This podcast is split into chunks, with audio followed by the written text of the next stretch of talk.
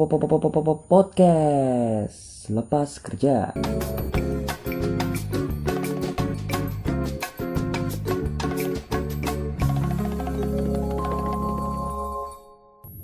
Sawadihap.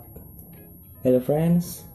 Di negara tercinta kita Indonesia ini, pekerjaan desain grafis selalu dianggap remeh atau dipandang sebelah mata lah ya. Baik dari klien, saudara, teman, dan lainnya sih. Padahal kalau di luar negeri sana tuh, desainer grafis tuh jasanya dihargai mahal loh. Nah, di podcast episode pertama ini, gue pengen ngobrol-ngobrol santai aja nih mengenai hal-hal yang unik bahkan lucu yang sering dikeluhkan oleh freelancer juga desainer grafis juga e, beberapa nih udah gue kumpulin dari beberapa sumber ada yang dari web blog instagram juga twitter. Nah langsung masuk ke poin pertama aja nih. Ada poin nomor satu gini. Saat desain yang udah dipikir susah-susah matang-matang di, dieksekusi dengan detail eh lalu dicerca abis-abisan sama klien atau atasan. Karena cuma masalah selera. Ya gini ya walaupun nama yang namanya klien tuh adalah raja. Ya tapi nggak gitu juga dong. Nggak semua apa maunya klien tuh kita turutin. Gini kalau bicara sendiri mengenai estimasi dari desain grafis tuh gini.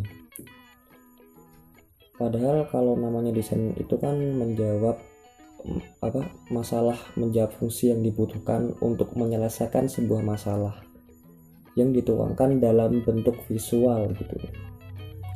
Bukan dikit-dikit klien minta ini kita ya emang kita harus revisi sesuai keinginan klien tapi kita juga harus jelasin dong. Kalau apa desain itu desain yang baik itu kayak gini kayak gitu gitu. Poin yang nomor dua next pas ketemu klien yang maunya dibikin desainnya bagus jadinya cepet. Eh tapi bayarnya semurah-murahnya. Waduh nih parah parah parah. Gimana nih? Gini bro. Semua itu udah ada prinsipnya. Ya kalau lo pengen bagus plus cepet ya jangan minta murah. Dan kalau lo pengen cepet plus murah jangan minta bagus. Terus minta kalau lo pengen minta murah plus bagus ya jangan minta cepet dong. Itu aja. Next poin nomor tiga. Pas ketemu klien yang dikasih desain pertama nolak terus dikasih desain kedua ketiga nolak juga. Eh ujung-ujungnya balik ke desain pertama. Ya lord. Udah capek-capek nih. Dan gak sedikit nih klien yang kayak gini. Biasanya nih biasa sih bilang gini hmm, mas mas kok aku kurang serak ya? Balik desain pertama aja deh. Yang lain nggak ada yang sek tuh. Hmm, oke oke. okay. Gue masih sabar di sini. Next nomor 4 dapat proyek thank you. Nah nah nah. Ini nih lucu nih. Biasanya nih ya kalau seorang desainer grafis dapat proyek kayak gini dapat proyek thank you gini biasanya tuh dari orang yang ngakunya temen. Ya nggak bermaksud nyindir sih ya cuma kadang kita sebagai desainer grafis tuh ya sebel gak sih? Misal nih tiba-tiba ada temen temen lo nih yang udah lama nggak ngontak lo tiba-tiba mendadak ngontak untuk minta dibuatin desain dan dibayar pakai thank you ya makasih ya. Uh sakit banget tuh. Dan dia ngaku-ngaku temen lo gitu padahal dulu ya biasa aja. Ya mungkin bahkan nggak kenal gitu. Nggak nggak akrab. Nah kalau kita dapat proyek thank you cuma bilang terima kasih ini kan jadinya kita bukan desainer grafis. Malah jadinya desainer gratis.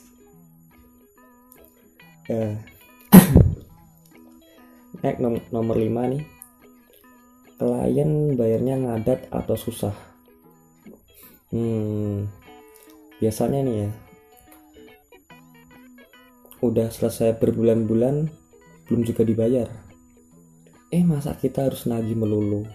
Ya, emang kira dikira the collector nih. Kan nyebelin ya. Ya harusnya tuh harusnya tuh klien sadar diri dong. Gini gini kalau uh, gue gue kasih tips aja ya uh, sebagai desainer grafis yang profesional ya. Pertama kalau dari cara gue nih bikin kesepakatan dulu nih sama klien. Ya paling enggak sih si klien itu udah DP dulu lah 50% dan kalau udah mau mendekati selesai tuh desain yang kita buat udah mendekati selesai nah baru kita minta klien buat ngelunasin pembayaran nah jika tiba-tiba di tengah jalan ya misalnya kok kliennya tiba-tiba kabur atau ujuk-ujuk los lost kontak gitu ya ya paling nggak kan kita udah dapat pemasukan lah lumayan. Next keenam. Pas harga desain logo yang gue tawarin dibanding-bandingin sama harga desainer lain dalam rangka menawar harga. Ini nih klien yang biasanya mintanya murah nih gini ya kita sebagai desainer grafis yang profesional kita harus udah punya udah menetapkan standarisasi atau reng-rengan harga lah. Atau jika perlu kita buat paket jasa desain gitu. Gitu. nah kita juga harusnya tuh ngejelasin ke calon klien kita nih bahwa dengan jasa yang kita harganya dari reng-rengan segini tuh mereka akan dapat da, dapat apa aja gitu. Tapi sih ya maaf aja nih kalau klien maunya sama desainer yang murahan ya monggo karena semua ada harga ada kualitas bro next nomor 7 ini pas masuk ke dunia desain gue pikir nggak akan ketemu sama matematika. Kalau lu pikir masuk ke dunia desain berarti kamu nggak bakal ketemu matematika kamu salah besar. Ya karena pada akhirnya desainer harus bertemu sama angka. Biar ketika karyanya dicetak nggak salah kaprah nih nggak salah dalam ukuran dan hasil jadinya. Karena desainer juga harus tahu ukuran-ukuran frame ukuran-ukuran media yang akan kita cetak. Dari itu ukuran kertas produk segala macem gitu. Next nomor 8 nah ini mungkin karena gue tinggal di Indonesia kadang masih ada kejadian kayak gini pas kenalin udah dibilangin kerjaan gue desainer grafis. Eh ada yang minta difotoin prewed lengkap sama special efeknya bikin lebih kurus lah badannya lebih wajahnya nggak ada jerawat lah. Lah ingat pak ini desainer loh desainer grafis bukan fotografer perawat dan video editor next point nomor 9 nggak enaknya dikira pengangguran sama tetangga. Abis memang kerjanya dari rumah sih. Nah biasanya nih sering terjadi nih sama freelance freelancer nih yang kerja yang kerjanya dari rumah. Kadang gue dulu malah di dikiranya nih ikut pesugihan atau ngepet nih kan gokil ya. Ya abis kan mereka ngiranya gini. Di rumah nggak kerja kok tetap bisa makan beli ini itu ya. Gimana dong? Gini ya karena kita sebagai freelancer desainer grafis kerjanya nggak nggak kelihatan kali ya transparan. Atau mungkin desain remote ya yang bisa dikerjain di rumah tanpa harus ngantor sekarang kan lagi tren-tren tuh industri industri kreatif kayak e-commerce Bukalapak, Tokopedia, Gojek yang model kerja remote kayak gini tuh pertama kali diterapin oleh Google ya. Hmm, ya namanya mulut tetangga ya pak, yang sabar. Next nomor 10 nih. Pernah ada klien bikin kalender. Dia bilang gini, Mas, berhubung ongkos cetaknya udah mahal, bisa nggak ya ongkos desainnya digratisin aja? ya elah coy. What? Gue malah pengen ngomong kasar ini ini tuh ini hampir mirip nih sama poin yang nomor 4 tadi ya. Ya sama aja dong namanya desainer gratis bukan desainer grafis pak aduh ada-ada aja nih klien nomor 11 nih. Desain udah dibikinin. Banyak alternatif. Tetap nggak cocok juga. Ujung-ujungnya kabur tanpa melunasi tagihan. Hmm gimana nih? Ya ada baiknya sih kita sebelum ngasih desain kita ke klien kita harus buat beberapa desain alternatif lah. Paling nggak dua atau tiga gitu. Biar si klien tuh bisa apa kita juga nggak kebanyakan revisi gitu. Kan udah udah ada template-template desain nih nah, tinggal milih. Ya apa yang dipilih klien tuh ya kita tinggal lanjutin aja. Nah kalau ini ya kalau yang ujung-ujungnya kabur tanpa melunasi tagihan ya kita dari awal harus udah bikin kesepakatan dulu kayak poin yang tadi gitu. Next nomor 12 gini. Udah seneng nih padahal file dari klien formatnya tuh CDR AI PSD eh pas dibuka malah isinya file gambar JPG lagi resolusinya kecil mending pak lah daripada gue lebih parah lagi nih pernah nih klien sering banget ngasih data nih dari Microsoft Word, Microsoft Excel. Nah, gimana tuh? Entah apa yang merasukimu wahai klienku. nah, di poin yang ke-13 nih gue mau ngasih tebakan. Gini tebakannya. Popok popok apa yang ngeselin? Gue kasih waktu 10 detik buat jawabnya. Hitung. 1 3 5 7 10 popok popok apa yang ngeselin jawabannya popoknya sore ini jadi ya mas. Hehehe. What? What the? Pakai hehe juga. Ini biasanya nih ya klien tipe kayak gini nih mereka ngira nih dengan Photoshop semua akan beres. Ya nggak salah juga sih. Tapi yang nggak seperti sulap yang bim salah bim langsung kelar. Perlu proses dan memakan waktu yang nggak sebentar juga. Dan ironinya kebanyakan klien nih yang nggak mau tahu tuh. Masa bodoh. Gini. Mie Indomie nih ya yang katanya instannya masih harus berproses. Dari yang pertama direbus dulu ditiriskan dikasih bumbu dicampur diaduk. Nah desain. Ini desain loh. Sering nih kasus kayak gini. Nah, ini juga pernah gue alamin nih hari ini suruh ngedesain.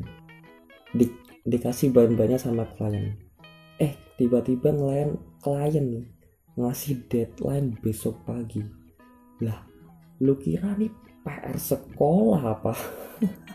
Ya Allah. Next nomor 14 nih. Pas mepet deadline tiba-tiba klien ganti brief dengan deadline yang sudah nggak bisa diundur lagi. Wah gue benci banget nih kalau dapat klien tipe kayak gini. Ya kalau kondisinya kayak gini mau nggak mau meskipun kita udah lelah udah ngantuk mau nggak mau ya harus tetap melek buat ngejalan proyek itu. Ini nih yang dinamain desain desainer mata panda. Sumpah nggak enak banget nih dapat revisi dadakan gini nomor 15 nih. Nah ini. Tampilan warna di laptop atau komputer udah bagus. Eh pas dipindah di smartphone warnanya malah turun hancur parah nih. Nah ini biasanya sering terjadi sama desainer pemula nih yang baru mulai gitu. Yang punya budgetnya tuh pas-pasan. Apalagi laptopnya yang low end gitu lah menengah ke bawah nih Bi biasanya di tahun-tahun yang 2013 ke bawah tuh kan karena teknologi layarnya tuh belum belum pakai IPS sedangkan uh, di layar smartphone sekarang tuh kan udah banyak apa kebanyakan memakai teknologi IPS ini. Nah apa sih IPS IPS tuh uh, sebuah jenis layar juga teknologi layar karena layar IPS ini mampu memproyeksikan warna mendekati objek aslinya.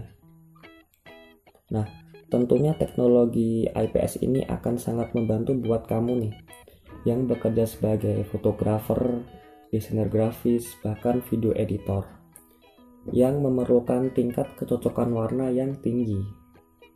Nah, kalau udah terlanjur ada solusinya nggak? Ya tetap ada. Gini, solusinya ya mau nggak mau kita harus kalibrasi layar laptop atau komputer kita. Ya walaupun nggak 100% akurat sih warnanya. Paling nggak mendekati warna aslinya lah gitu. Uh, poin 16 nih. Gini klien mah gitu. Desain udah dibuat bagus-bagus simple dan elegan malah dirubah gitu aja aduh. Biasanya nih banyak tuh kebanyakan pada bilang gini dibilang warnanya kurang ngejreng lah. Objeknya kurang lah. Gini. Nah bahkan gini itu kan objeknya masih kosong. Tolong ditambahin lah biar penuh. Lah gimana dong? Katanya simple dan elegan. Ini namanya terlalu rame. Ya wajar aja sih kalau klien bilang gitu. Karena kan kebanyakan klien itu kan awam ya soal desain. Kebanyakan kan pengennya warna yang mencolok tajam gitu. Apalagi kliennya bapak-bapak. Waduh. Parah. Rewel banget. Nah ini nih yang paling ngawur yang paling uh yang paling aneh nih. Cuma mungkin cuma terjadi di negara kita aja nih. Desainer grafis sering diminta betulin PC dan suruh nginstalin Windows. Hmm. Wait bentar. Ini desainer grafis atau dasar reparasi komputer laptop pak bahkan gue pernah ngalamin gini. Temen gue nih ya ada yang bilang gini lu kan desainer grafis ya? Tolong benerin laptop gue. Rusak nih layarnya kebelang hitam. What? What the? Ya, terus apa hubungannya desainer grafis sama benerin laptop rusak bamban aduh. Nah itu friends podcast singkat mengenai keluh kesah desainer gratis eh maaf maaf maksudnya desainer grafis nih sorry sorry sorry Semoga podcast ini memberikan hiburan, manfaat, juga wawasan ya. Oke, gitu aja.